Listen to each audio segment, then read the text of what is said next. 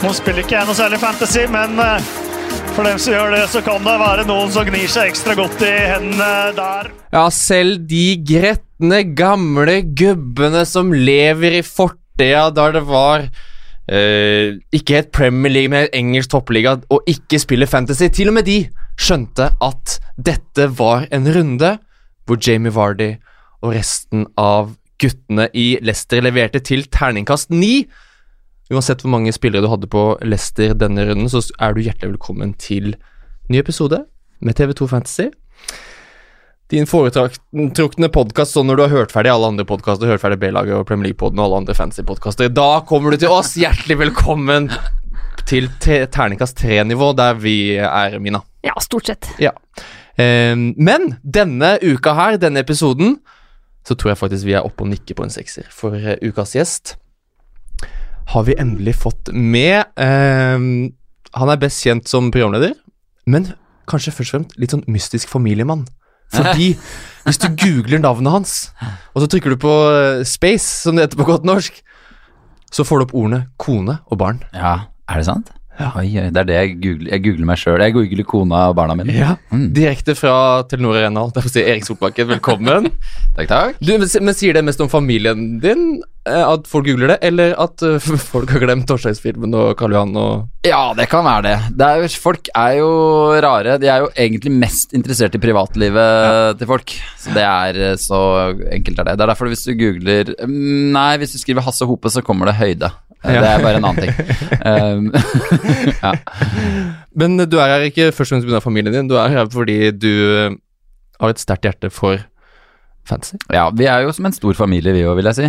Det er jo Ja, det er vi.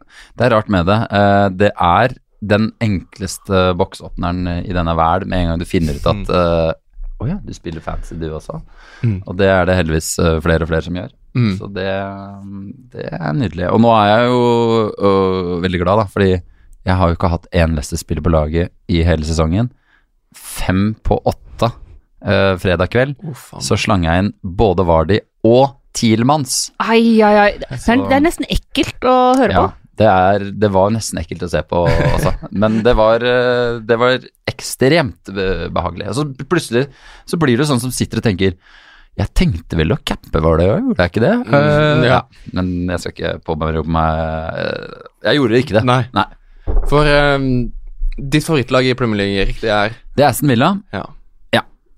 Og da er jo naturlig spørsmålet Er du en sånn som um, spiller med hjertet når du tenker at jeg skal ikke kapteine en spiller som møter mitt eget lag? Eh, jeg er Jeg har gått på så mange Vi har jo spilt fancy siden tidenes morgen, og hadde alltid tradisjon med å starte med tre Villa-spillere. Rett og slett fornuftsbasert, trodde jeg. Det var jo da selvfølgelig fordi at jeg hadde Det var det eneste laget jeg hadde sett alle treningskampene til. Så da tenker du at eh, Å, han eh, nye skotten på venstre bekk der, det var litt av en signering. 4-5, sier du? ja, Alan Hutton kan levere i år.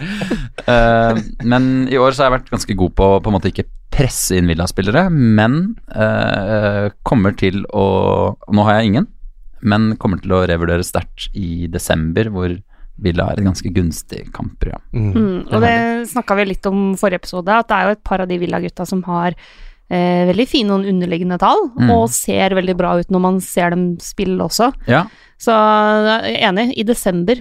Men det er jo for øvrig den eneste fine Det eneste pos lille positive ved at eh, Stoke rykka ned, var at jeg slapp å havne i den fella eh, hver Ja, sesong på ja. Fantasy. Fordi jeg også satt akkurat sånn og starta sesongen med, med tre Stoke-spillere og klarte å overbevise meg sjøl om at det var lurt. ja. Og det var det veldig sjelden. Så det, jeg starta med Grealish, hadde han i mange runder. Eh, det var følelsesbasert, men også fordi at jeg mener han er en av de aller beste spillerne i Premier League. Eh, det, men jeg har sett at det er andre lag der ute òg. Nå er han også for øvrig litt skada, men det er absolutt en spiller som han er i form nå, Mm. og leverer uh, jevnt og trutt. Ja, så jeg så, jeg så ikke City Villa i helga, men jeg så høydepunktene. Og mm. den spilleren jeg had, var nærmest å sette inn på laget mitt etter å ha sett de høydepunktene, det var John McInn. Altså, John McInn, den Ja. Apropos skotte, alle lag burde ha en sånn terrier som uh, er så lite Veldig skotsk. Han er så erkeskotsk. Han er sånn uh, De eneste gangene jeg er på Twitter og sosiale medier, er når han sier sånn til klubben når de prøver seg på å være litt sånn kule og klipper inn og sånn der Love Island UK med, med Tyron Ming som er litt kjekk og sånn, så bare skriver han sånn Nå slutter jeg i klubben hvis dere fortsetter sånn. så han Veldig han- ryddig. ja, ekstremt ryddig, men også på banen. Han er altså Uh, Han er så terrier, så han kommer til å løpe inn eh, flere mål i desember. Mm. Også et lite tips der. Mm. Ja, jeg er helt enig. Jeg hadde han jo en del runder, og så Ja. solgte jeg han for å få inn Kevin De Bruyne. Ja. Eh, og litt fordi Villa skulle ha en del forholdsvis mørkerøde kamper. Ja. Men når det snur der, så ja, det blir alle mann på Villa da. Mm. Det, altså det, jeg har en litt sånn ny strategi i år med, med fantasy. Det er å kose meg enda mer med kombinasjonen se Premier League og øh, benytte meg av fantasy. Mm. Eh, lag som spiller ganske dårlig, men som får lirka inn noen skåringer, og det er litt sånn på tross av. Det er litt kjedelig å ha spillere på det laget. Eh, det er derfor det nå kommer til å være gøy å ha Leicester-spillere på laget, fordi de spiller veldig bra fotball. Eh, Villa er jo av de nedre ti eh, et av de på en måte lagene som faktisk spiller eh, best fotball, eh, hvis jeg skal være helt objektiv. Så de kom, det kommer til å lønne seg å ha eh, lag som produserer masse sjanser, og som, uh, Mm. som har fete spillere. Der er det bare å Mm.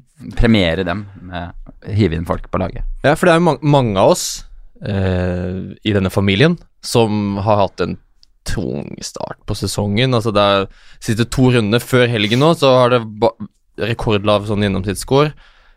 Det er kanskje bedring på vei nå med Leicester-gutta, men så sesongen hittil, Erik, Ja. Er, hvordan har det gått? Det har gått eh, ikke noe sånn fantastisk. Nå ligger jeg, skal vi se, jeg ligger på 77. 000. plass. Så det er jo det, er, det er faktisk veldig bra. Ja, nei, jeg er ganske fornøyd, og så um, eh, Det jeg egentlig er mest irritert på meg sjøl i år, er sløvet på benken. At du At du er veldig god på de elleve. Mm. Eh, jeg hadde en, veldig- jeg hadde en visekapteinblunder da Stirling ikke starta og måtte ha Sala istedenfor De Bruyne. En ting man på en måte Hvis du ikke er liksom ryddig nok Rico har jeg hatt på benken et par runder uten å tenke sånn hmm, Ward, som jeg hadde også på benken, hvis uh, Otamendi ikke spiller. Men nå var i helga så var jeg skråsikker på at Otamendi kommer til å spille. Mm. Uh, og da er det bare sånn Da blir du litt idiot på Ja. ikke være grundig nok. Og du Men, setter jo Rico på benken for Bournemouth holder jo ikke nullen fram til Men nå gjør de plutselig det. For en uke Ja. siden. Altså, det, for det må jeg bare si. Eh, av alle mest utenkelige ting som kunne skjedd forrige runde Én ting er at liksom Leicester vinner eh, 9-0, og Jose Perez har et hat trick, og det er liksom fullt show der.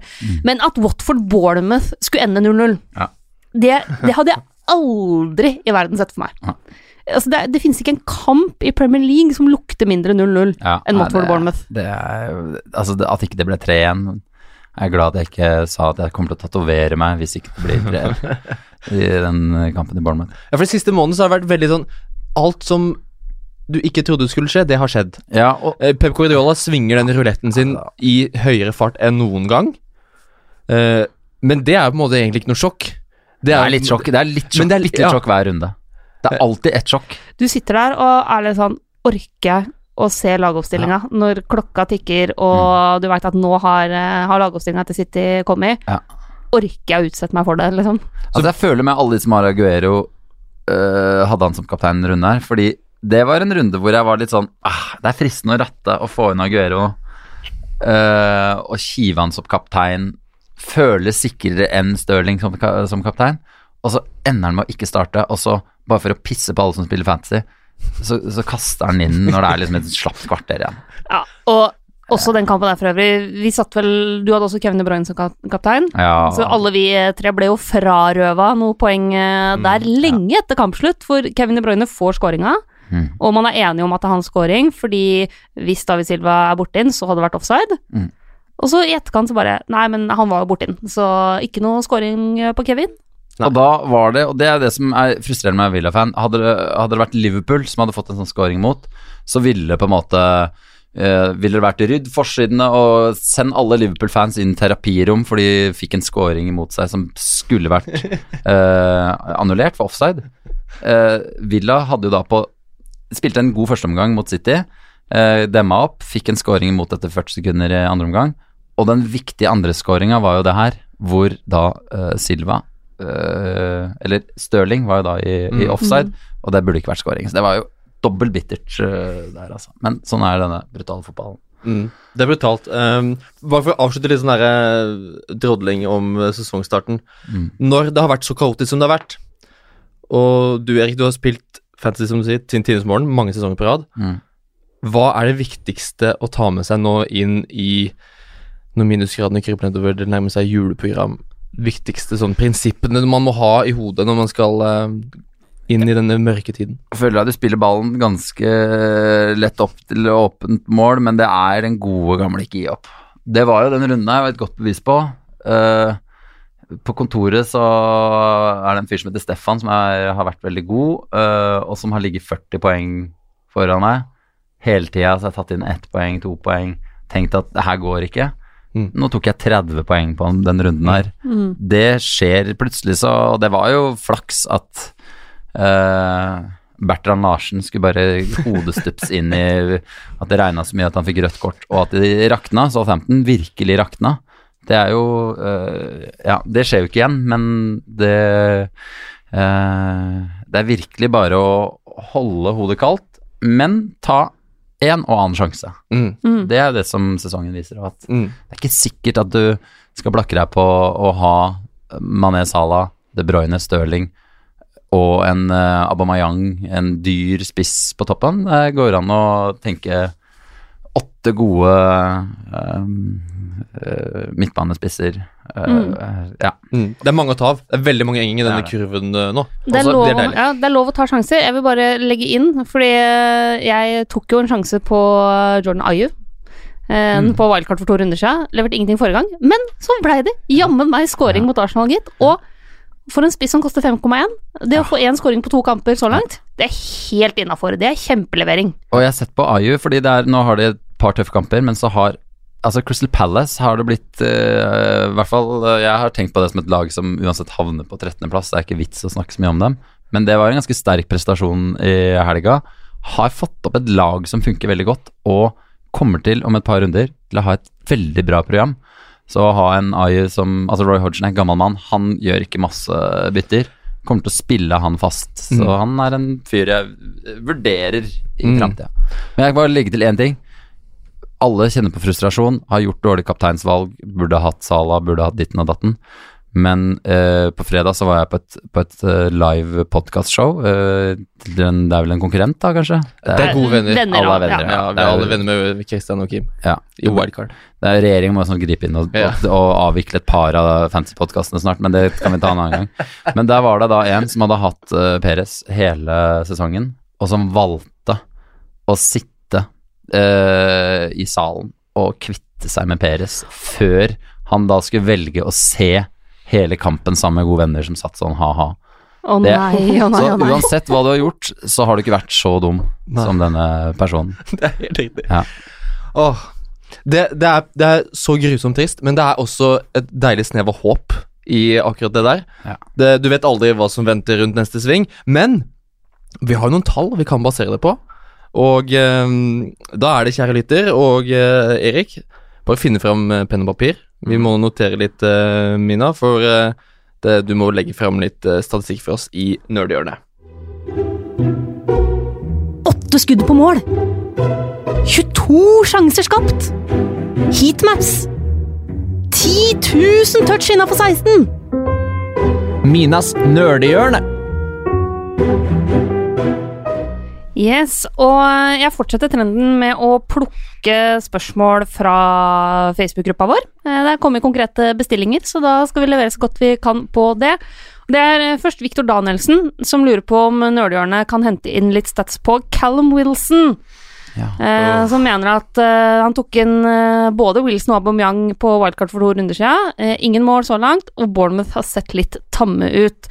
Så det jeg tenkte å gjøre, er å dra gjennom litt sånn nøkkeltall på Callum Wilson de første sju kampene, hvor han jo leverte ganske jevnt og trutt, opp mot de siste tre. Er det bare tilfeldigheter at han ikke har fått scoring de siste, eller er det også noe med formen her? Og det tyder på at det faktisk har skjedd noe med vår alle favoritt, eh, alles favorittspiss i Bournemouth. Fordi de første sju kampene så hadde han Det er et dårlig gjort mot Joshua King. Ja, men han er, litt, han er jo litt kant om dagen, vet du. Ja, ja sånn, ja. ja. Eh, Men de første sju kampene så har han expected goals på 0,5. Eh, Han har nesten to avslutninger per kamp, eh, 1,5 avslutning på mål per kamp, og 1,77 skudd i boks per kamp, i tillegg til at han er på 1,5 attempted assist per kamp. Det er ganske jevne, fine tall. De siste tre kampene så har han en expected goal som er nesten ikke-eksisterende, 0,05. Eh, og vi ser det også på skuddstatistikken. Nå er han på ett skudd per kamp, 0,35 på mål per kamp og 0,35 i boks per kamp. Eh, I tillegg eh, til at han er på nå 1,06 forsøk på assister per kamp. Så det eneste som har på en måte Det eneste han har økt på da, eh, de siste tre kampene sammenligna med de første sju, det er at han skaper litt flere store sjanser. Ja. Men det blir jo, ikke- har ikke blitt noe mål av det. vi i. Så dette er tallenes tale. De første sju mot de siste Mm. tre. Eh, og hvis vi ser Altså, på de tre siste kampene så har han kun tre avslutninger. Mm. Ja. Og kun én avslutning på mål på tre kamper. Han Jeg satte jo han inn for to runder siden selv, når wildcardet røyk. Um, og sitter akkurat med det samme problemet som vår gode venn Viktor. At uh, veldig lyst til å få ut Ken Wilson. Mm. United hjemme nå til helga. Um, så vet vi at United kan De har levert ganske ålreit bakover. Vi har snakka tidligere om at det er de som har lavest expected codes imot. Mm. Gode i helga. Men- Gode i ja. bakover. Men Bournemouth hjemme mot United og Callum Wilson kommer, jo- kan jo fint få, få seg en scoring der. Mm. Um, det er litt sånn Skal man Det er fortsatt en spiss i Bournemouth som koster åtte millioner. Jeg mener Hvor mye at, forventer man eh, egentlig?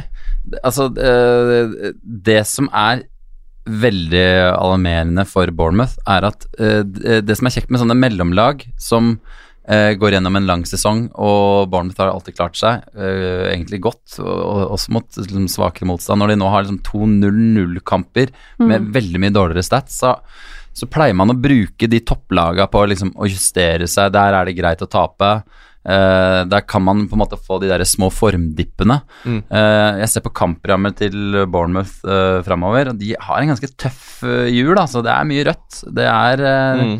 Den formdippen deres kom litt tidlig, og nå med United, som jeg vil si har et eller annet momentum Helt perfekt å møte Bournemouth nå som det alle kommer til å skrike etter, er scoring.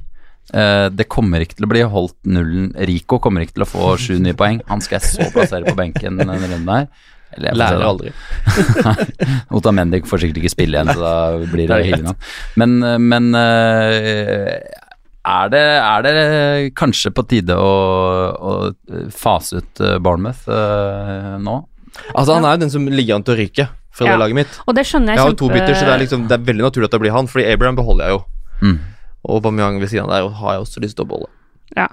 Og for det hender jo at spisser bare får veldig dårlig uttelling eh, i en periode, men jeg syns det er grunn til bekymring når du ser tallene, når du bare sammenligner den perioden han har levert. Det er kollektiv svikt med med de tre Ja, og det er et Bournemouth-lag som ikke flyter like godt offensivt som det har gjort tidligere i sesongen.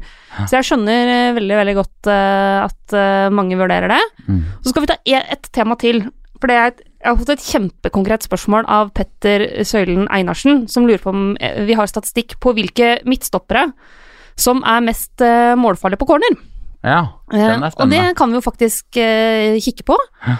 Så eh, de som har eh, topp fire på avslutning fra corner blant eh, forsvarsspillere, alle Altså, jeg får jo ikke skilt ut her eh, på hvem som er midtstoppere og hvem som er backer, men Mm. det er midtstopperne som topper Mm. Ja. blant forsvarsspillerne. Mm. De, to, de to som er troner på toppen Kan vi tippe? med, Ja, de to på topp. Ta fra fjerde og tredje først, da. Ok, da kan jeg ta Fordi det er fra og med femteplass så er det mange som ligger omtrent likt. Ja. Men eh, fjerdeplassen, seks avslutninger fra corner så langt. Mm. Vil dere gjette? Jeg gjetter bare på topp to, da. Ja, ok, for det er Ake. Ja, For det var han jeg skulle si. ja det gjør jeg òg. Nei, jeg Ja. bare tulla. Eh, tredjeplassen eh, med sju, eh, det er O'Connell. Ja. Sheffield United. Ja, han, ja. ikke sant? Ja. Ikke sant? En av de, en av de tre Ja. stopperne, en av disse overlappene, Mm. eh, midtstopperne for øvrig. Og så er det da delt førsteplass med to midtstoppere som har ti avslutninger Ja. fra corner hver. Van Dijk er jo selvskreven. Nei. Er han ikke? Nei. Craig Dawson. Nei. Otamendi. Nei, Nå mister jeg livsgrunnlaget når ikke van Dijk er på den lista der. Det er Jeremina Hæ? og Harry Maguire. Ja, det er det, ja. Jeg Mhm. turte ikke å si han, for jeg bare husker den bommen mot Newcastle. Mm. Så tenker jeg han skammer seg nå og er tilbake. Og eh, Jeremina er også en av de som har fått flest headinger redda. Ok. Um, Men så- Everton defensivt Ja, og- er jo åh, jeg blir og Jeremina er jo Fire av dem hadde den borte mot Villa, og det var sånn eh, fyrtårn fra 16 meter. Det er ikke farlig. på Og han er uansett småskada, men Maguire er jo verdt å Ja. tenke litt på, da. Apropos United, apropos Callum Wilson Ja. eh, der. Ja, ja. Selv om det er Jeg tror det er lettere å friskmelde Jeg tror United kommer til å ha en bedre periode, men det er framover. Mm. Fordi bakover så er det det mentale som ryker. Det er alltid McTomney som selv om han er spilt kjempebra, så snubler han på ballen i det 89. og litt sånne ting. Mm. Uh, Det er noen pene kamper United har framover nå. Det er jo Bournemouth borte, og så er det Brighton hjemme, Sheffield United borte og Aston Villa hjemme. og det, det høres Det er grønt i poeng. Ja, og så er det det som er så gøy med ligaen, det er grønt som bare juling i programmet, men det er sånn Sheffield United borte. Eh, Villa som eh, selvfølgelig jeg har kjempetroa på. Eh, ja, jeg ville ikke f Villa hadde ikke noe problem med å skåre bort mot Tottenham eller Arsenal.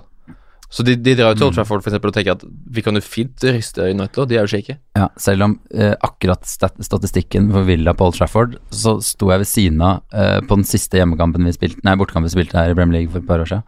Sto jeg ved siden av en som Han hadde vært her i de siste 20 åra, hadde han vært der hvert år bortsett fra ett år.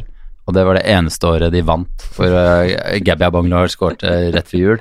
Ellers så ha, pleier United ha sånn kjempetak på Villa Ja. på Trafford. Mm. Men det er mye United pleide å ha. Mm. Ja, det er også et godt poeng. Det lover godt for Harry Maguire og Jeremina. Det er, eh, det er to gode navn. Man kan ta dem med. Uh, Jeremina kommer eh, aldri til å være på mitt uh, fancy-lag. Eh, Det er jo egentlig tragedie. ja, altså det, det, Han bør være på ditt fancy-lag hver eneste runde. han er en runde. del av min Jeg har jo laga et sånn five-a-side-lag med folk som heter det samme som meg. For det er overraskende mange fotballspillere som heter Mina. Så gøy.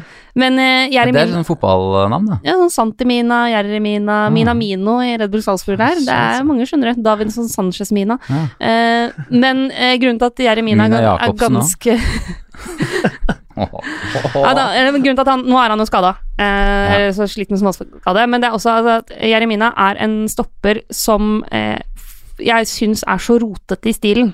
Ja. Så du veit aldri når det kommer et kort eller en straffe mot eller et eller annet sånt noe, og all den tid uh, Everton defensivt ikke er det sånn Ja. min første pri med clean sheets-potensialet, så Ja, og så er det litt den, eh, den Nå fikk vi ikke scoringsstatsen, det er det sikkert en på også, men det er sånn Det er en grunn til at eh, van Dijk eh, Du tror han er oppe der fordi hans avslutninger fører gjerne til en ganske stor, uh, stor sjanse. mm. Eh, mens Mina hadde vel bare den der mot City som var ganske Var det ikke han som stupte inn der?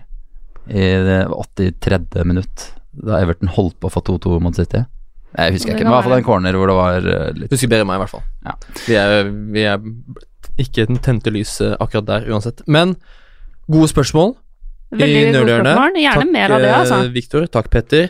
Og det kommer flere gode spørsmål, så vi går eh, videre. Har du sett det kampprogrammet, eller? Sitt stille i båten nå. Men Han er jo i superform. Sitt stille i båten. Jeg kan bare ta minus fire. Sitt stille i båten. Før vi begynner med flere av spørsmålene fra dere lyttere, så skal vi bare ta liksom, eh, litt info i starten. Husk at Carabao Cup, ligacupen som det også heter, skal få litt sånn alenetid i spotlighten eh, denne uka. Skal forsvinne litt med Manchester City mot Southampton tirsdag kveld. Eh, da i dag eller i går, alt ettersom når du hører dette.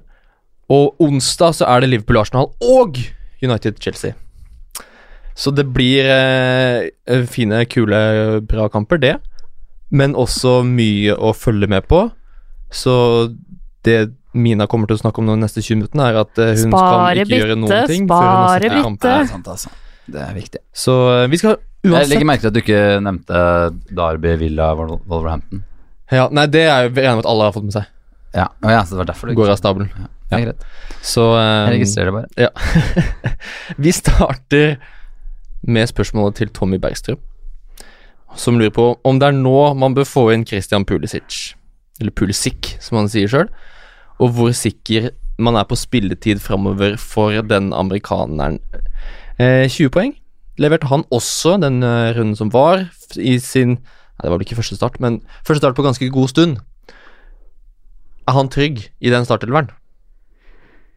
Det er han vel ikke. Men han leverte en forbanna god søknad. Ja. Uh, og er jo en spiller som Chelsea-fansen på en måte har gleda seg veldig til å få inn, og som på en måte Det er jo det som er så artig med det Chelsea-laget nå. Det er bare sånn, det må jo være alle managers drøm er å på en måte, når de i tillegg begynner i minus, har så utrolig mange fete unge spillere. Altså, den Chelsea-generasjonen der er bare plutselig Chelsea som var de der gamle baktunge, de trengte en liten sånn øh, noe litt karantenetid og snacks. De har jo utrolig mange gode spillere, men jeg mener jo at Pulisic eh, kommer jo ikke til å levere tre skåringer i hver kamp. Chelsea kommer til å skåre mye, ja. men eh, det der er et eh, Det der blir en sånn orgeltramp med hvor Abraham kommer til å få flere skåringer enn midtbanespillerne. Mm. Men Mason Mount kommer til å levere videre. Mm. Eh, og Doy kommer til å Så jeg ville bare sagt ha én midtbanespiller fra Chelsea. Men hvem? Er jo spørsmålet. Fordi det at Pulisic kommer inn nå, får muligheten fra start, skårer han hat trick. Det gjør jo bare at ting blir mye verre. Fordi da får Lampard luksusproblem med å Skal han spille William Mount, Tessendoi, Pulisic, eh, så skal han rotere.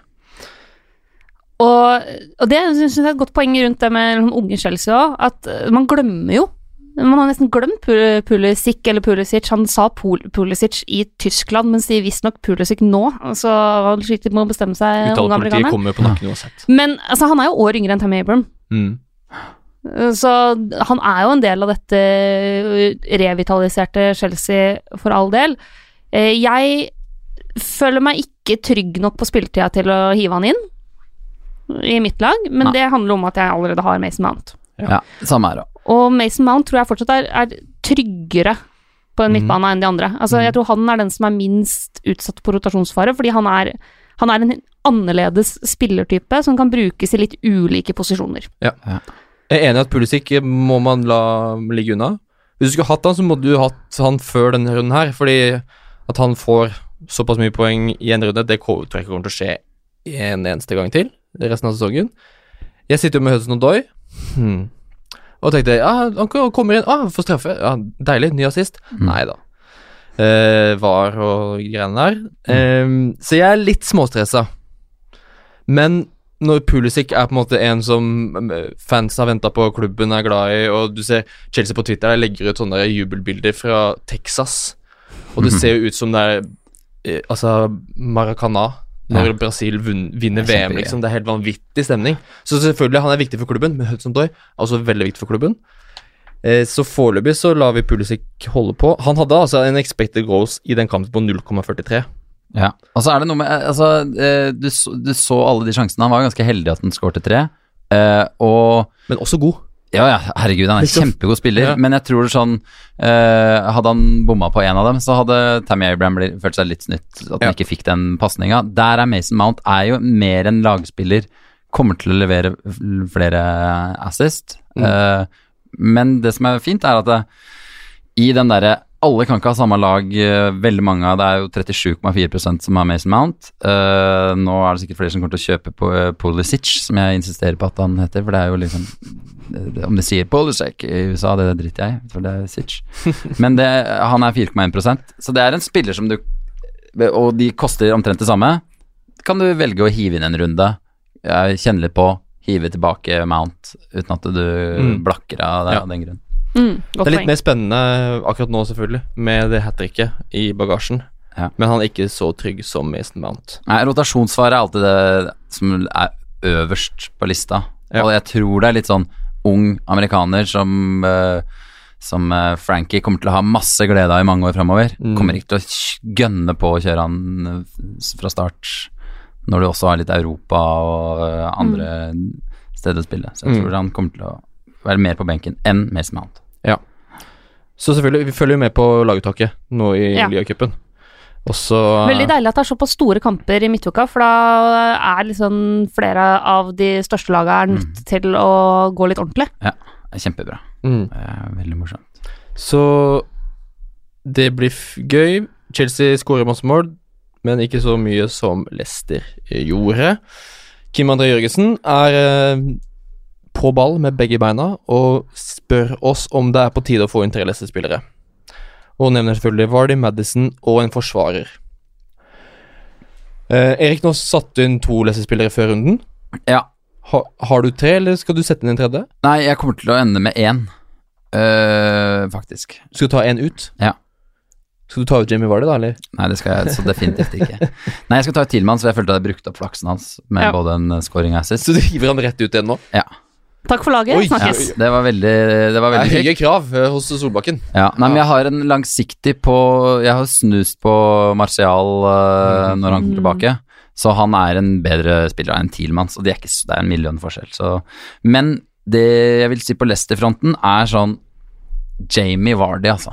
Det å ikke ha han nå, er for meg øh, å ikke ha Aguero i storhetstida.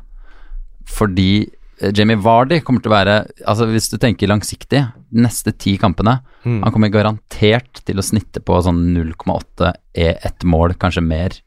Mm. Eh, det er det som er Det var veldig gøy Det var første Leicester-kampen jeg så i sin helhet. Jeg har sett en omgang mot Newcastle hvor det også rant inn mål og, og sånn, men det å sitte og se på det Leicester-laget som riktignok spilte mot et ekstremt tafatt Southampton Mm. Um, men de har altså så utrolig mange gode spillere.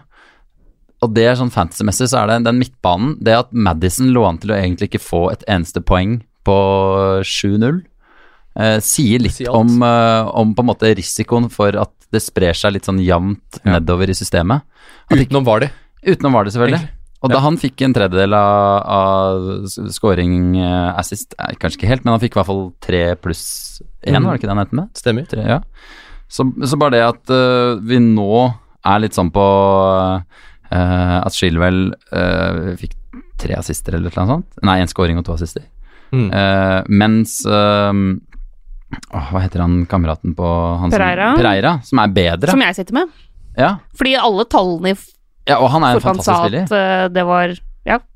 Eh, Neste gang er det hans tur, da. Ja, det vil jeg absolutt uh, si. Jeg vil i hvert fall Vil ikke kasta meg på det toget der, men i hvert fall så er det sånn Jeg tror også at det, det, det var jo et unntak med 9-0 og også 5-0. Jeg Mhm. tror de kommer til å vinne Leicester kommer til å vinne en del kamper framover, men litt mer sånn som forrige helg, Mm. hvor de vant 2-1. Mm. Eh, og Og- da var de bankers. Og jeg det er tenker fortsatt et fint kampprogram, ikke sant? Det er, før du sier hva du tenker, Mine. Det er Palace borte, og så er det Arsenal hjemme. Den er ikke rød, selv om den står, er det på papiret. Så er det Brighton borte, Everton Watford hjemme. Villa Norwich. Så eh, det jeg tenker, er eh, sånn som Perez. Det tror jeg nok mer er et blaff. Ja. Uh, okay, han har sju avslutninger den kampen her, det er mye. Eh, men Og han har jo fem av dem også på mål. Men han har også en expected goals i den uh, kampen på 0,78 Mm. og får et hat trick. Mm. Eh, så Og det han har levert fram til nå, har på en måte ikke tilsagt at han skal være en hat trick-spiller. Ja. Eh, jeg tror Chilwell kan være et fint alternativ hvis du ikke har eh, Ricardo Pereira. Ja. Det tror jeg absolutt. Litt sånn for alle oss som skal hive ut Otamendi en eller annen gang. Yes. Definitivt så er Chilwell et kjempealternativ, men det, jeg ser ikke, ingen grunn til å bytte internt i Leicester-forsvaret. Liksom å tenke at eh, å, nå skal jeg spare penger på å gå fra Pereira til Chilwell fordi Chilwell fikk så mye målpoeng nå, mens Preira Pereira bare fikk linskjøtspoeng. Ikke Mm. Eller gå fra. Madison ned til Perez. Nei, eh, Mm. og eh, hvis jeg skulle tatt inn en Leicester midtbanespiller, så ville det fortsatt vært Madison. Mm. Det ville vært min pri én, fordi jeg tror han er den som kommer til å levere jevnest. Mm. En, altså, hvis jeg skal velge én Leicester midtbanespiller som jeg bare skal sette inn og ha stående der, så har jeg hele sesongen sagt at det er Madison. Mm. Eh, og veldig mye av det offensive går via han. Ja. Eh, og så er det jo dette med frispark og alt sånn, så skulle jeg tatt inn en midtbanespiller, ville jeg tatt inn Madison, eh, men jeg er helt enig i at altså, førstevalget er uansett å få inn Vardø. Mm. Ja, det er noe med at eh, sånn som nå hvor de totalt dominerte en kamp, men også i andre kamper så er det sånn at eh, eh, andre spisser som Haller og og uh, vår egen Wesley, for oss som heier på Villa, uh, de blir fort brukt som et sånn oppspillspunkt hvor spissen trekker i veldig stor grad ned, mens Vardy ligger alltid og lurer. Mm. Han er på en måte en av de få som til og med ikke Firminio får lov til å bare være målsnik. Mm. Det så du så godt i den kampen uh, her også nå, at, det, at det, han, han kommer til å være der med støvelen og putte i huet og ræva. Så jeg vil i hvert fall, eh, hvis du har null Leicester-spillere, så vil jeg og de har, midtbanespilleren er jo ganske billig, og det er jo sånn som nå med Thielmann, som koster 6-3 eller 4, han gikk vel opp nå. Så, så er det sånn Pri 1 er virkelig å få en uh, Hva er det? På topp. Alle som sitter med dyre spisser, over 10 millioner, da. Aubameyang, Aguero, Aguero, Kane, hva som helst. Er det ikke noe mer å tenke på å bare gjøre VAR til den dyreste spissen? Jeg kommer til å ha det, men eh, Aguero f- kommer til å få spilletid nå, skal de hjemme mot Southampton. Hvis ikke Altså, Det sa vi før. eh, jeg veit det, også. men da er det sånn Det må Det er noe logikk som må gå Mm. opp eh, her også. Sett. Men det, er det jeg tenker er at Den prisen på 9,2 gjør at Mm. folk tenker Ja, men han er altfor billig til at det kan gi mening at han skal være den beste spissen jeg har på laget. Altså den dyreste spissen jeg har. Ja. Så du må tenke at for den prisen så er det altså ikke noe å tenke på. Eh, og jeg tror at selv om han kostet under 10 millioner, så burde han kostet mer enn 10 millioner. Sånn som han gjør. Han har levert under Brennan Rogers fra første dag Rogers kom inn den døra på King Power Stadium, og kommer til å fortsette å gjøre det. Um, forbanner meg selv for at jeg lot han være for to runder siden. Jeg, jeg starta sesongen med han, ja. Men eh, så gikk Ja. det litt rått i starten der, så måtte jeg liksom få inn Ja. Oh, Sånn kan det gå. Yes. Han eh, Det er Jamie Vardy. Mm. It's Jamie Vardy. Eh, siste spørsmål om Vardy. Er han verdt minus fire før helgens runde bort mot Crystal Palace? det, generelt så er jo ikke noen det. Hvis du har Da regner jeg med at du har et alternativ som kommer til å spille, eh, og som har nesten like høy sannsynlighet til å score. Crystal Palace er jo det laget som som ingen liker å elske, men som er De er vanskelig å spille mot. Uh, selv om City klarte å knekke koden for et par runder siden, så er det sånn de Jeg ville ikke Og nå etter 9-0, så er det sånn uh, vil jeg bare tenke at rent sånn mentalt for Leicester-spillerne uh, De har jo nesten nå glemt hvordan det er å spille mot tøff motstand. De bare koste seg i 90 minutter. Så, så tipper jeg en scoring til Vardy, men ikke noe mer, og da er det jo ikke verdt det. Mina, kort. Ja eller nei? Er det verdt minus fire? Altså, du veit jo hva jeg mener om å ta minus fire når man ikke må. Ja, men selv nå. Altså, det er klart, hvis du ikke har Fordi minus fire kan du tjene inn de neste ti rundene uten problem. Jo, men det, da Jo. gjør du det på to runder. Det er jo så enkelt er det. Bare ha litt grann is i moggan, så Ja. får du inn Vardy på to runder. Ja. Ok. Så enkelt er det. Ok. Det er klart, hvis du har suspensjoner og skader og alt mulig, liksom, så for Mm. all del, men hvis det bare er fordi du har et bytte, har en spiss som du kommer til å spille. Men bare har lyst på Vardy, så Mm. vil ikke jeg ta minus fire. Så sitt stille i båten, altså, på Vardy, hvis det innebærer minus fire. Altså var- spar, spar hits før du bare har det, det er rødt på laget ditt, og du må Mm. få inn spillere. Mm. Eh, det, det, all statistikk viser at det, de virkelig gode spillerne De tar så Mm. få hits. Jeg gjorde det til første serierunde, og jeg forbanna meg sjøl etter at jeg begynte med Bernardo Silva. Eh, som kunne Hadde jeg hatt litt is i magen, så kunne det vært en Han har jo vært en av de faste. Mm. Og apropos Vi skal over på. Manchester City. Ja. Her renner det inn spørsmål. Så vi skal, ta, vi skal prøve å ta mange spørsmål nå. Litt sånn uh, lagdel for lagdel. Vi starter med Moody Marcus. Spør oss på Instagram uh, TV2 Fantasy. Tror dere Otamendi spiller neste runde, nå som Fernandinho er suspendert? Fernandinho er da suspendert i Carabao Cup, så han er tilbake til ligamøtet mot Southampton. Er han det, ja? Mhm. Fucka Rooney. Da Nå Nå gikk eh, Solbakken i svart her eh, i studio. Jeg er så forbanna Så på Fernandinho kan spille Lia-møte hjemme hos Southampton. Og, jeg, og på reaksjonen din, Erik, så betyr vel det at da tror ikke du Otamendi spiller. Nei, det tror jeg ikke, da. For da spiller jo Gundogan og Fernandinho stoppere. Mhm. Da spiller eh, altså, Alle andre enn Otamendi og Alle andre, da spiller Pep.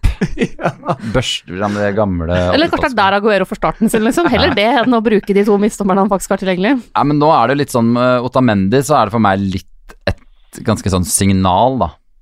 At uh, han er squad player blitt. Når uh, uh, Og det til tross for at Altså, det som jo er litt irriterende, er jo at i Watford-kampen så så du på en måte den der styrken til Otamendi. At han er en spiller som har Jo lengre frem på banen han har, når jeg kommer, jo mer selvtillit får han. Men de der blunderne han har gjort bak, har tydeligvis bare satt sine spor i pepperen, altså. Mm. Eh, filleren, altså. Jeg trodde han var ganske Men det kan jo fortsatt være at Otamendi starter. Ja. Uh, Det er jo ingen garanti her, men Nei. det er klart eh, Orker man å sitte med en for så vidt premiumforsvarer, sjøl om han eh, koster bare 5,5, Mm. som man ikke veit om starter? Ja, nei, det er dritt. Orker man det? Jeg tenkte jeg skulle Tipset mitt var han kommer til å starte til helga, så bare øh, hold den siste helg og planlegg å bytte den ut i, etter der. Men da driter jeg i det tipset, for å si det sånn. Da Vent uansett til å se hva som skjer i, i, i, Lia-cupen her, i Carabao Cup Ja. mot Southampton. Du får en fingerneralprøve der, men eh, hvis Otamendi Hvis du har Otamendi og du ikke bytter han ut før denne runden, så gjør du det garantert runden etter. Ja. Det, Han lever på fryktelig liten låntid. og han ligger på Jeg regner vel med at øh, det, Eller det er, for å si det sånn, for dere som ikke er inne på price change predictions, så er det bare å begynne med det med en gang. Mm. Google det opp, så ser man hvilke spillere som kommer til å stige i pris og ikke. Nå ligger Otamendi på sånn uh, han, Det skjer ikke noe denne uka her, tror jeg. Men det er mange som begynner å hive den ut. Ja. Mm. Og det er jo den Southampton-kampen nå, men så er jo da de to neste etter det er eh, Liverpool borte og Chelsea hjemme. Men det er ikke dumt å ha Chelsea- nei, City-forsvaret, men da kommer ikke Otamendi til å få spille. Da slipper jo City. Og clean sheets-poengene, potensialet mot Liverpool og Chelsea Det er borte på Anfield der. Eh, Jeg ville ikke, jeg ville ikke satsa huset og hjem og bil på at uh, Otamendi holder nullen på Anfield, liksom. Men erstatteren til Otamendi finnes kanskje i egne lyseblå rekker. Alexander Lovold lurer på, lurer på om Benjamin Mendy er en mulighet framover. Han koster da 5,9. Eh, Sinchenko er jo operert i kneet, ute i fem-seks uker. De har jo han Angelino, eh, som tydeligvis er en venstreback. Han blir bare kasta inn på sånn samvittighetsgrunnlag. Ja. Han kommer ikke til å erstatte Men de får garantert ja, Han, han hviles jo nå i Lia-cupen, ja. og spiller jo nå mot uh, Altså, men de er en, eh, det er en ganske fet uh, spiller, altså. Og han Kampen mot Villa nå, hvor på en måte Villa var ganske De var ikke Watford og bare vær så god, uh, skyt in goals. Første omgangen der vanskelig å knekke. Mm. Uh, da er Mendy en ganske viktig brikke òg, for han er tar ganske mange morsomme offensive løp og tør å utfordre, og plutselig så er han i hjørnet av 16-meteren, så han Husker jo det når han var på sitt beste i sesongstarten forrige sesong. Ja. Den Ja. dimensjonen City får i det offensive spillet sitt da, Ja. er helt vanvittig. Og da får han bonuspoeng uansett om City holder nullen eller ikke. ja. Og har jo fortsatt, hvis du ser på liksom, eh, hvor han har touchene sine, og hvor han slår eh, Altså hans uh, average position og alt mulig fra den Villa-kampen. Han ligger jo kjempehøyt i banen, selvfølgelig gjør han det. Så har Eh, City uh, ligaens, eh, etter min mening, beste keeper for øyeblikket. Eh, altså, Ederson er helt Han er helt rå, så at de kommer til å holde nullen fremover Og også mot topplag, så er det sånn De lever godt med 0-0 på Anfield og, og være litt kyniske bak der. Mm. Han har eierandel på 1,3 Ja. så det er jo en superjoker her, men det er 5,9 i pris. Ja, jeg skal er vurdere nå faktisk Bare se an ligacupkampen og eh, faktisk vurdere si mot meg sjøl for, for fem minutter sia. Mm -hmm. uh, for jeg har ting jeg har lyst til å gjøre på midten. Uh, bare bytte ut Otamendi før han dipper i pris. Men de kommer kanskje å stige hvis han uh, Han kommer fort opp på seks hvis det Mm. er Han spiller en og får en assist og to bonuspoeng. Mm. Ja, det, skal, det, det er til vurdering. Men de er spennende. Uh, vi hopper videre i City-laget. Vi hopper fram et ledd. Orion S1 lurer på Er David Silva en å satser på? Vi snakka om han en del forrige episode. Ehm, nå spiller han uh, Han spilte i, i helga, får jo da scoring. Mm, etter mye om og men. Ja. Um, Og fordi med Fernan, Altså, Rodri er skada. Ja. Hvis du prøver å tenke høyt om en City midtbane her. Det betyr at og Fernandinho spiller jo Hvis han spiller, så spiller han hvis stopper. Jeg tror ikke han får spille den ankerrollen, fordi det er ikke, han er ikke rask nok. Eller god nok med ballen. Gundogan kommer til å spille anker en god stund fremover. Det er jeg ganske sikker på. Mm. De Bruyne er fast på den ene indreløperen. Og da er det David Silva. Ja, altså, Eventuelt Bernardo Silva. Ja. Men så vi fort, venter vi fortsatt på å få avgjørelse på den suspens, mulige suspensjonen han skal få. Eh, Men David Silva er så å si ganske Det er Phil Foden, selvfølgelig, er der. S- Så han har jo starta Altså, han har, han har kommet inn som på benk, fra benken i to kamper så langt. Mm. Uh, og det er Av de kampene han har starta, så er det to kamper han ikke har levert mål eh, Nei, tre kamper han ikke har levert uh, målpoeng. Mm. Skårer to kamper på rad nå. Ja. Og nå er det jo også mulig å på en måte uh, Selv om mange hater å se på hva som har skjedd så langt i sesongen, så er det sånn kvartveis ut. Hvis du sammenligner det med Madison, Thielmanns, uh, et Leicester-lag som putta ni i helga og fikk masse poeng hele gjengen, Mm. så har fortsatt David Silva 60 poeng totalt den sesongen her, Mm. mot 44 på Madison og 48 på Thielmanns. Mm. Så du tåler jo at han får et kvarter her og der, Ja. og kanskje er på benken. Og for meg så henger det spørsmålet litt sammen med det neste spørsmålet fra Lars Eikanger, om man skal sitte i stillebåten med Mares. Eh, jeg sitter jo med Mares, tok en gamble på det. Eh, og et av byttene jeg vurderer å gjøre, er jo Mares til David Silva, men det kommer helt an på hvordan, hvor mye de ulike spiller nå i kveld mot Southampton i cupen. Mm. Men jeg syns David Silva til 7,7 Ja, han kommer til å bli benka innimellom, han også, Mm. men det kan være verdt det. Basert på det han har levert så langt. Så heller David Silva enn Riyad Mares? Ja, og det er jo rent sånn prismessig. Eh, han, skal du betale 8,5 eller 7,7 for en spiller som du risikerer at mm. sitter på benken, liksom? Og med øhm, et spissvalg som Pep øh, aldri avslører, og det er umulig å vite hvem som spiller på topp, så er det jo må man jo ha to midtbanespillere fra det laget som skårer definitivt flest mål, som skårer alltid, alltid skaper flest sjanser. Mm. Kevin De Bruyne er jo en av de. Ja. Hvis du ikke har råd til Stirling, det er ikke alle som har, for du vil ha Mané der, du vil ha mange andre på midten, David Silva. Kanskje en god nummer to. Ja, nei, det er, det, for min del så er det det at øh, jeg har tatt valget å kjøre Stirling De Bruyne til I die, på en måte, denne sesongen her. Det skal skader til.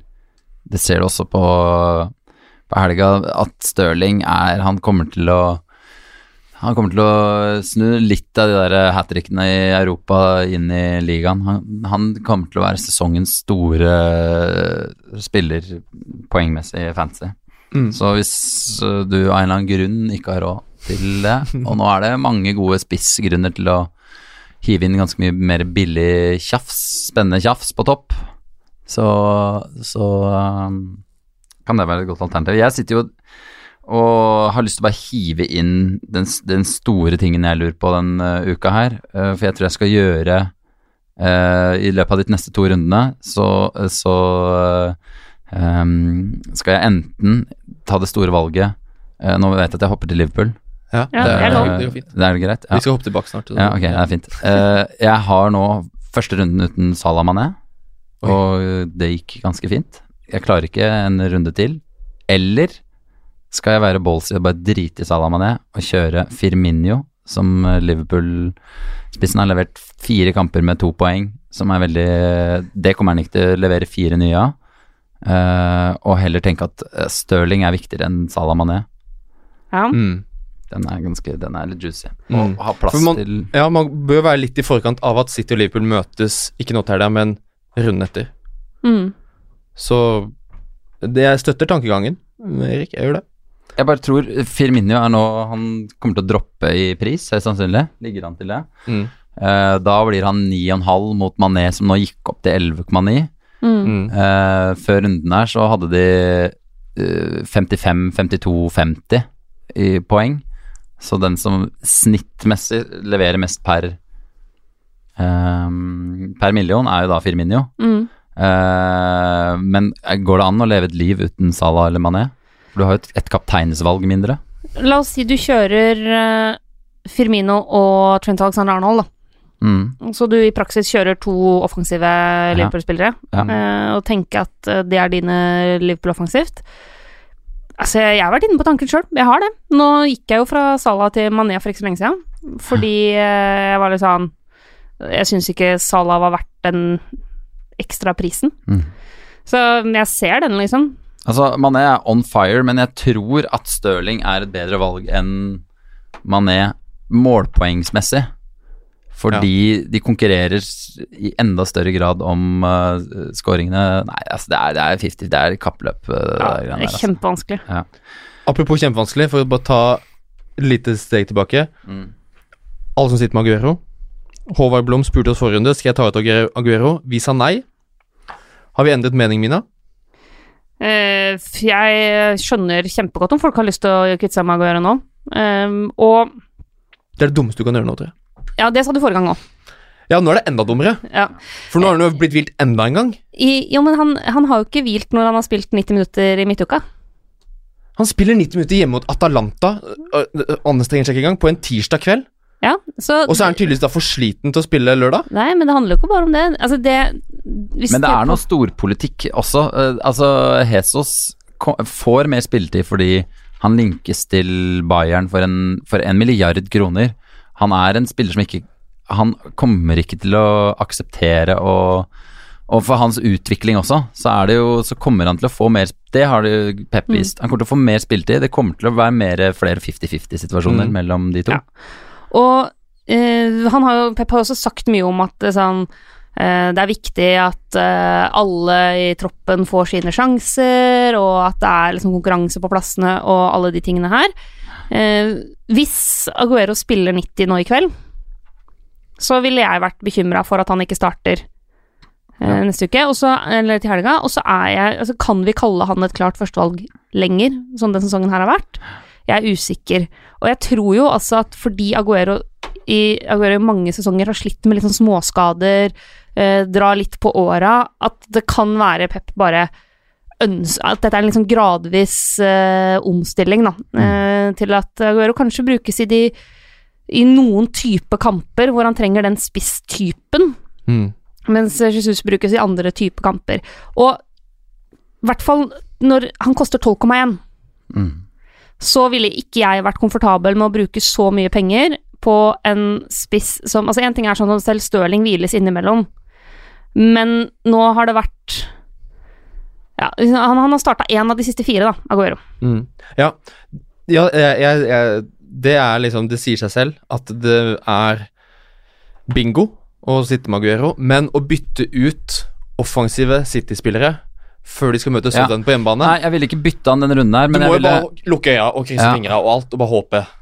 Jeg tror at det er litt sånn øh, Jeg ville jeg vil, For å si sånn, jeg ville gjerne hatt han inn mot helga. Jeg tror øh, at øh, han spiller til helga. Uansett om han spiller nå uh, ligacupkampen i kveld, Mm. som er da en tirsdag. Men hvis han ikke gjør det, så er det da er det virkelig en uh, kroken på døra. Ja, Og da er det jo Liverpool borte neste, så da er det på en måte greit. Ja. Ja, vet du hva, det er faktisk enig i. Da kan man, eh, man kan håpe på Southampton nå, og så heller uh, hitte ut før, uh, før møtet med Liverpool. Ja. Jeg ville heller hatt Gjør som meg akkurat der. De Bruyne Stirling er de som, fordi de er yngre Liverpool spiller med Salah Mané og Firmino fordi de er fortsatt unge. Det er ikke Aguero. Og Jesus kommer, er arvtakeren. Han er verdt så ekstremt mye penger til å sitte på en benk, så han kommer til å få mer spilletid. Så jeg ville, jeg ville uansett vurdert å bare chippe ut uh, Aguero på lengre sikt. Mm. For det er så frustrerende i periodene, og så kommer han til å få de ti minutterne, og det er det sureste når han er et så tydelig kapteinsvalg, da. Mm. Du gjør en dobbel bommert. Da tror jeg vi skal la City ligge, og skal vi skal holde oss på dyre spisser som ikke leverer, og som folk er lei av. Uh, Hans Christian Lid lurer på hva vi gjør med iskalde Per Erik Aubameyang. What to do? Jeg sitter med Aubameyang sjøl. Jeg har ikke lyst til å bytte han ut. Uh, fordi sannsynligheten for at han blir toppskårer når vi sitter her i mai, er fryktelig stor. Nei, ikke i år, altså. Sorry, Mac. Han er fortsatt den av de spissene som jeg mener er giftigst foran mål, som kommer til å levere kontinuerlig. Altså utenom både i den prisklassen der, å drive og flytte frem og tilbake akkurat nå. Jeg føler jeg skal gi han litt mer tid. Problemet er at Arsenal er kaotisk. Um, og at det er Wolverhampton hjemme og Leicester borte nå de to neste. Det er potensielt to kamper hvor Arsenal kan gå på en liten skrell, og nå merker jeg at jeg begynner å snakke meg bort fra å beholde han og kvitte meg med Obama. Nei, altså det som er bra nå, er at uh, for de som ikke har Vardi og, og Hei, hei. har Aubameyang, Mm. så er det ganske no-brainer for min del. Uh, altså bare sånn frem til jul. Du kan alltid få inn Ratte på to runder og få inn Aubameyang hvis han uh, leverer. Men fram til liksom 15. desember så har Arsenal så Det er fortsatt veldig, veldig fint. Det er Southampton hjemme, Norwich borte og Brighton hjemme. Westham borte. Ja. Han kan absolutt finne finne på å score i de kampene. Og han, uh, og det er jo, dette er jo mitt ansvar med Aubameyang, fordi eh, han slutta jo å levere målpoeng da jeg tok han inn. Så Ja, der, der tar jeg fullt ansvar. Jeg ville kappa meg høyere ja, har for å få han inn for et par runder siden. Ja, etter å ha levert i hver eneste runde Ja. der. Mm. eh, For to så, runder siden. Ja, eller eh, jeg tok han var inn grunnen til at du tok wildcard, egentlig? Ja, jeg tok han jo inn faktisk etter den uh, Bournemouth-kampen hvor han heller ikke leverte, men da var jeg liksom ok, men dette var en rar kamp. Så den tar jeg på min kappe, altså. Det er jeg Ja. som ødela Aubameyang. men det. Sånn Eh, men jeg ville ikke bytte han med noen i samme prisklasse.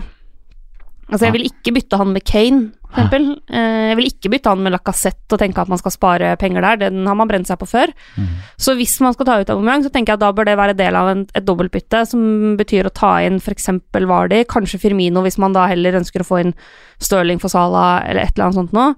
Sånn at man faktisk får eh, omstrukturert laget sitt litt, da. Men jeg ville ikke gjort det sånn Jeg ville ikke Ok, Kane får scoring i helga.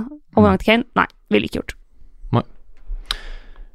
Nei, den er, den er seig med Aubameyang. Det er vel på en måte Nå i helga så var det jo eh, Peker på en måte hva som er problemer. Det er jo blitt mye fokus på at United er jo eh, United-kollapsen og Tottenham som bare har mista det fullstendig.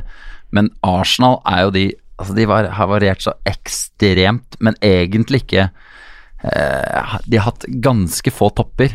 Og det er veldig bekymringsverdig nå Mm. et litt sånn gammelt forsvar, og de klarer ikke å holde en 2-0-ledelse mot uh, Crypie hjemme nå. Mm. Det er uh, Ja, så, så Hvem er det Arsenal er i neste runde? Wolverhampton hjemme. Nei, igjen så er det sånn Det uh, Nå som Vardy uh, har Palace borte, så vil jeg Men det, det er alltid bra med sånne spillere Liksom, Gi dem én runde til når du er drittlei, så gir du én runde til. Mm. Har det, nå har de Wolverhampton hjemme, som kommer til å bli mørbanka på Villa Park på onsdag. eh, og som har, hatt, har veldig kampprogram i, i Mm. beina. Så Men eh, ja, han har skuffa sammen med hele kollektivet der, altså. Mm. For på en måte så føles det veldig å jage poeng som allerede er delt ut.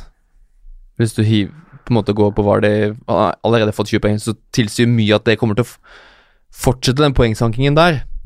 Men med Aubameyang også, så er det jo Det kommer til å bli mye poeng der framover uansett. Og eh, em, vi må ta noen spørsmål til før vi, før vi går videre. Eh, vi var inne, litt innom United i stad. Vi har fått spørsmål fra Alfred Eknes om Daniel James. Åh, for en nydelig spiller. Det er jo, men fantasy-messig så, så er det ikke bankers nå som Det jeg vurderer nå på de neste to rundene, er jo da å hive inn Martial igjen. Ja. For Fordi- han hadde rundens høyeste score på Expected, goals. denne runden. 2,21. Det er jo selvfølgelig en straffe inni her, eh, Mm. men det er ikke bare den straffa som gjør at han ligger så høyt. Altså. Og det er, hvis du ser på de avslutningene han har mot Norwich, Martial, så er det veldig sånn klassisk nummer ni-avslutninger. Det er fire stykker. Alle eh, kommer eh, inne i, i boksen. To av dem innafor femmeteren. Eh, så det er liksom store, store sjanser, og alle er eh, på mål, ja. Mm. Så det, han kommer seg til store sjanser.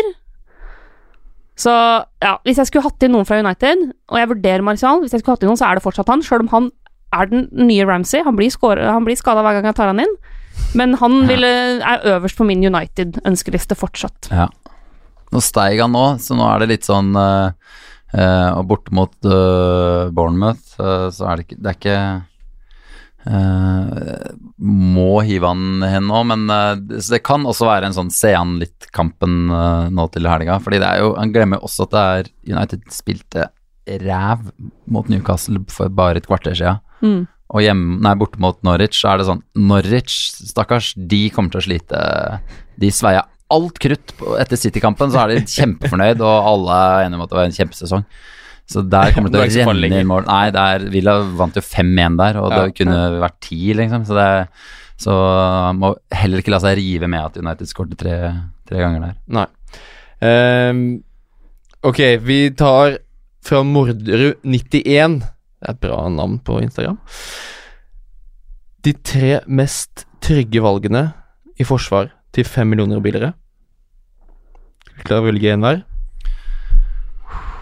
Altså, å gå, ikke si John Lundstram her Ja, altså, han er jo er rett tjeneste, det er oppsigelsesgrunn. Ja. Han, han stiger og stiger i pris, han. Han er på 4,6 nå. Ja, men uh, Det er Men fortsatt ikke for seint. Det er fortsatt billig. Ja, han er, no, det er virkelig no-brainer.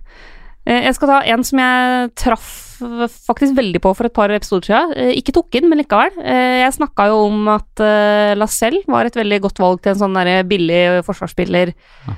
hvis man var på wildcard og trengte penger. Nå fikk han noe scoring også nå mot Wolves, men altså, han er trygg. Og de har tre helt ålreite kamper nå med Westham, Bournemouth og Beklager, men Villa. Det er greit. Det er mulig å holde null mot Villa også. Det går an. Eh, og så har de City som er grusom, men så har de liksom Sheffield United, Southampton, Burnley og Crystal Palace på de neste. Mm. Så han vil jeg slenge inn i miksen. Billig og fin. Mm. Jeg kan hive inn uh, Joel Ward på Crystal Palace, Ja. selv om du ikke må skaffe han til helga. uh, for da, nå har de de neste tre er jo faktisk Leicester, Chelsea borte og Liverpool hjemme. Så, så, men etter det så får bare Crystal Palace kose seg med 0-0-kamper. Bort Ja. mot Burnley, Bournemouth, Watford, Brighton, Newcastle, Westham, Southampton, Norwich. De har jo det beste kampprogrammet frem til eh, eh, 2020. Mm. Um, eh, uten at jeg tror Jeg har ikke sånn troa på at de kommer til å være et fyrverkeri, men de kommer til å holde nullen i mange kamper. Mm. Um, Han går på blokka. Eh, vi skal avslutte med et spørsmål til deg, Erik, som en liten hommage til din eh, tidligere arbeidsgiver, holdt jeg på å si, eh, Ja. Topp tre-podkasten. Mm. Bjørnar Hodne vil ha topp tre forsvar, midtbane og spiss. Topp tre hver lagdel. spennende. Uh, jeg kan begynne med forsvar. Der er det det kjipeste valget jeg gjorde. Uh, men jeg bytta Trent mot Robertson for, i runde fire eller et eller annet sånt. Mm. Uh, selv om Robertson er veldig god. Men det gjør at det, de havner på første og andre. Ja. For meg så er det sånn det er, Og det er bare å se Hvis ikke du har sett en Liverpool-kamp, så er det bare sånn Se én kamp, og du er overbevist om at her er det er så offensivt trøkk. De kommer til å få masse, masse både skåringer, men masse assister. De begynner til og med å spille til hverandre. Ja. Så, så er du fortsatt av den der forsvarstankegangen, så, så er de to også et uh, artig valg. Mm. Uh, på tredjeplass der så, så hiver jeg inn en Villa, for jeg kommer til å ha tredjeplass på Villa i alle ledd. Da hiver jeg inn Gilbert, en liten rakkar av en franskmann som uh, 4,5, 4,5, 4,4. Assistmaskina. Han har blitt en assistmaskin, og, og når Villa får et lett kampprogram i desember, så kommer han til å levere flere assist. Der. Mm. Um, hvis vi går til midtbanen, så Ja, bare for å hamre inn Jeg tror Altså, Stirling er for meg solklar uh, førstevalg. Det sikreste kapteinsvalget. Spillerne jeg gjerne skulle ønske jeg hadde råd til, Mané på andre. Ja. Uh, og på tredjeplass så hiver jeg inn den, uh, den spilleren som ser ut som, en, som et klysetryne, men uh, Jack Reelish. Litt småskala nå, men i desember så tror jeg han kommer til å levere. Tenk å ikke si Kevin De Bruyne der. Ja, men han, du, ja, ja. han skuffer litt òg, altså. Det er, litt, det er det som er litt kjedelig med De Bruyne. er sånn Ikke bare av De Bruyne på City. For du blir alltid bitte litt skuffa over De Bruyne. Du så jo borte mot eh, de sjansene Han hadde jo en heading som var rett utafor, Mm. og fikk til og med ikke ballen av Jesus. Ja, ja, ja. Men han er en spiller Ja. du ikke nødvendigvis server Han er sånn Ja, men du skal serve meg, mann. Så han er litt sånn eh, Men han er på fjerde, da. Men ok. Han er også litt sånn, Hvis du har han som- som kaptein, og du har ikke Stirling eller Aguero eller noen andre på laget, så er det litt sånn Du har litt vondt i magen. Ja. Det føles godt, men du har fortsatt litt vondt i magen. Men ja. Topp tre spisser. Topp tre spisser, der har jeg lyst til å si tre spillere som er innenfor rekkevidde. Uh, Vardy er på første nå, for min del. Han er den eneste no-braineren når du tenker pris. Og så har jeg lyst til å si, fordi nå er det litt sånn Tammy Abraham Folk har hatt den og fått poeng og vært fornøyd med den. Ah, nå var det bare en assist i helga og litt sånne ting. Han uh, som da Villa-fan og så han putta jevnt og trutt i fjor, det er ikke et pukki blaff. Jeg ville ha Det skal mye til for at jeg hiver ut han Mm. i sesongen her. Uh, og så har jo Villa bare én spiss, og han vil jeg ikke anbefale noen å kjøpe med det første. Men han er en spiller som som mot Norwich plutselig bare skårer to. Da bomma han til og med på en straffe. Eh, men Wesley til seks millioner jeg tror jeg kanskje ville heller hatt uh, Mapai for den prisen, men han havner på tredjeplass Mm. der. Ja, det er fint, det. Gode lister. Vi skal videre til duellen.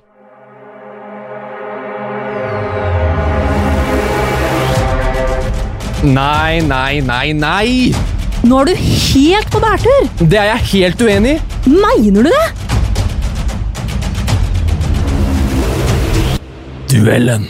Vi har snakka mye om duellen allerede. vi denne gangen, men Vi skal bare ta det kjapt. Vi skal bare ta tallene på Aubameyang og Vardy, fordi det er det som er ukas mest populære spørsmål. Det er det egentlig alle tenker på. Om man skal ta ut Aubameyang for Jamie Vardy. Ehm, det er det jeg sitter og gjør frem og tilbake og tenker på her. Hvis vi ser på alle rundene fra første runde til og med den som ble spilt i helgen, altså den runde ti, så har Aubameyang 28 skudd totalt, Vardy 20. Hvis du ser per 90 minutter per kamp, så har eh, Aubameyang 2,8 skudd da, per 90, var de av 2. Um, det er også marginalt flere skudd innenfor boks på Aubameyang med 1,8, var de av 1,7. Uh, expected goals er det helt lik, så å si. 0,38 på Vardy, 0,39 på Aubameyang. Så det jeg leser dette er at tallene er så å si like. Og var det faktisk litt bedre på skudd på mål per kamp? Ja. 1,2 mot 1,1. Mm. Og med så like tall, så er det ikke noen grunn til å betale 1,8 millioner mer for Aubameyang, når du kan få Vardy til ganske mye billigere pris. Eh, Støttes. det støttes. Så er jo spørsmålet, eh, når vi tenker på hvem som må inn til runden som kommer, hvilke bytter vi må gjøre Jamie Vardy er øverst på ønskelista. Jeg skal ha inn Vardy. Eh, jeg har bare ikke bestemt meg for om det blir inn for Aubameyang eller Callum Wilson. Jeg har to bytter, så jeg kan trikse litt. Um, Ja, da ville jeg solklart hivet Wilson, altså. ja. Men Jeg ikke da må. Madison ryke. Ja, det er, vet du hva, det er ikke noe fare i det hele tatt. Fordi Leicester, der kommer midtbanespillerne Mm. og vingbekkene til å levere jevnt og trutt. Men uh, Madison er ikke eh, For meg så, var det, så er det sånn eh, Han er sånn akkurat litt for dyr til å levere akkurat litt for kjedelig uh, lite poeng. Mm. Um, og da har jeg seks millioner til å finne midtbanespiller for, og det finner jeg ikke, Ja. uten problem. Lett. Så Der har du McGinn. Vær så Mm. god. Eh, det jeg sitter og vurderer, men det kommer an på hvordan City stiller i kveld, det er jo Aubameyang til Vardy, Mm. og så Mares til da enten uh, David Silva Mhm. eller Martial eller Hong-Min Son. Ja.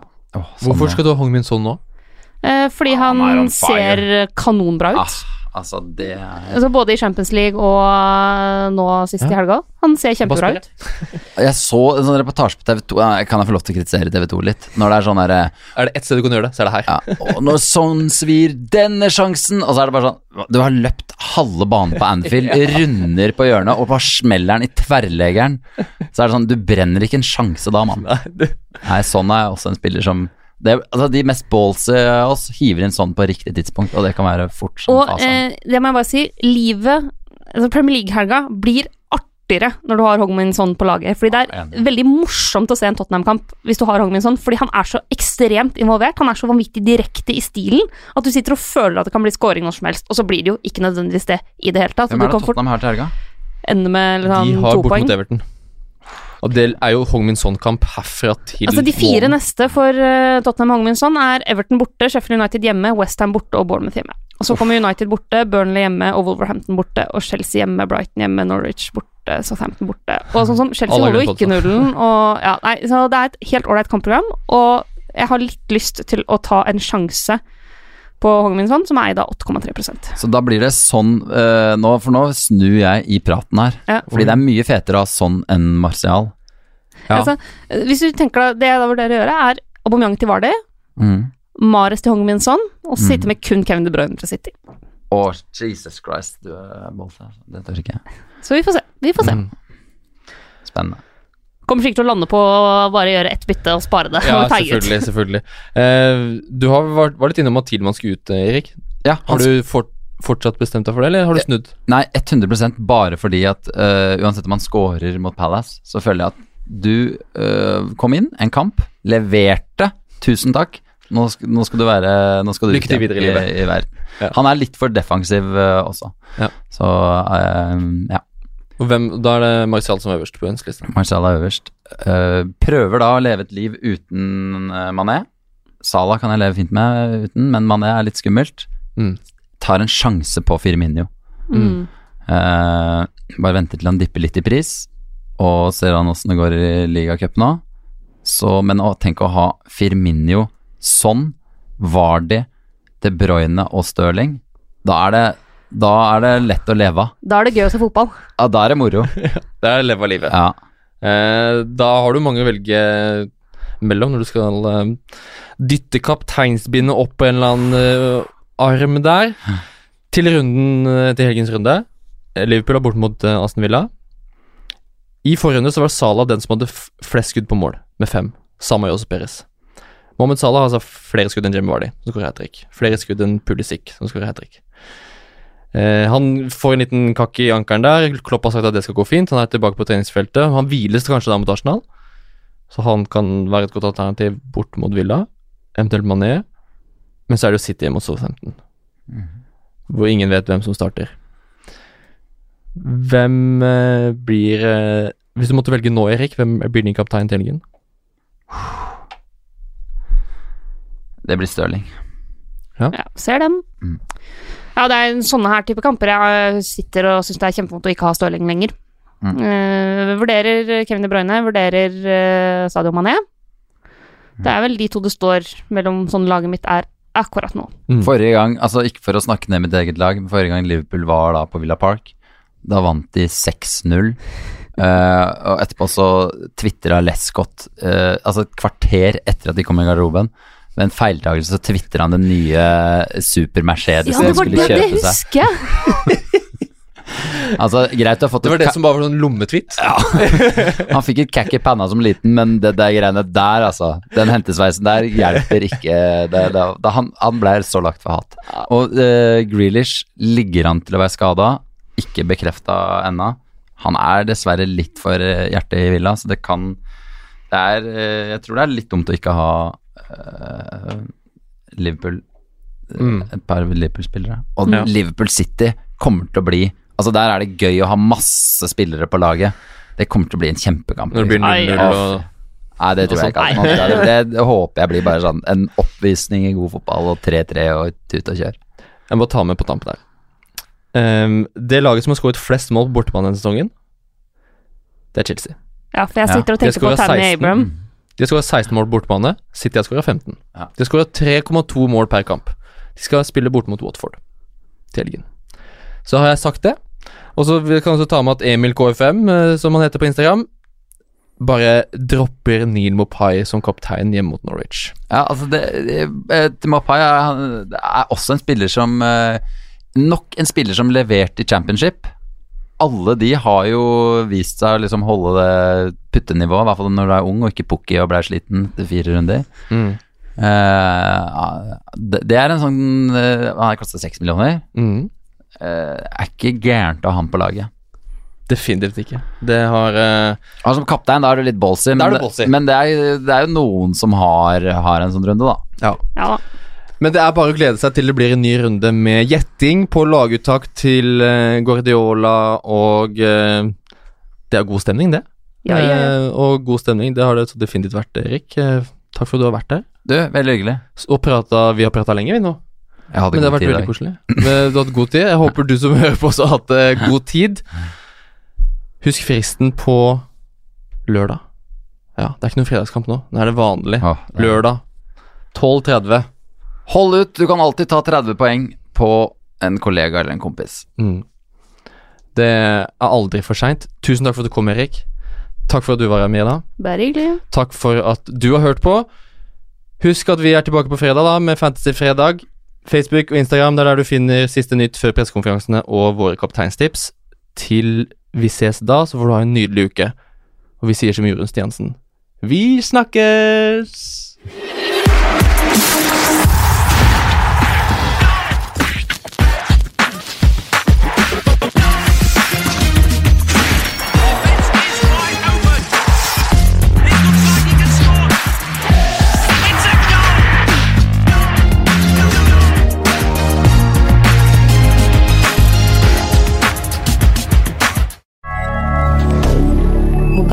hebdomadaire.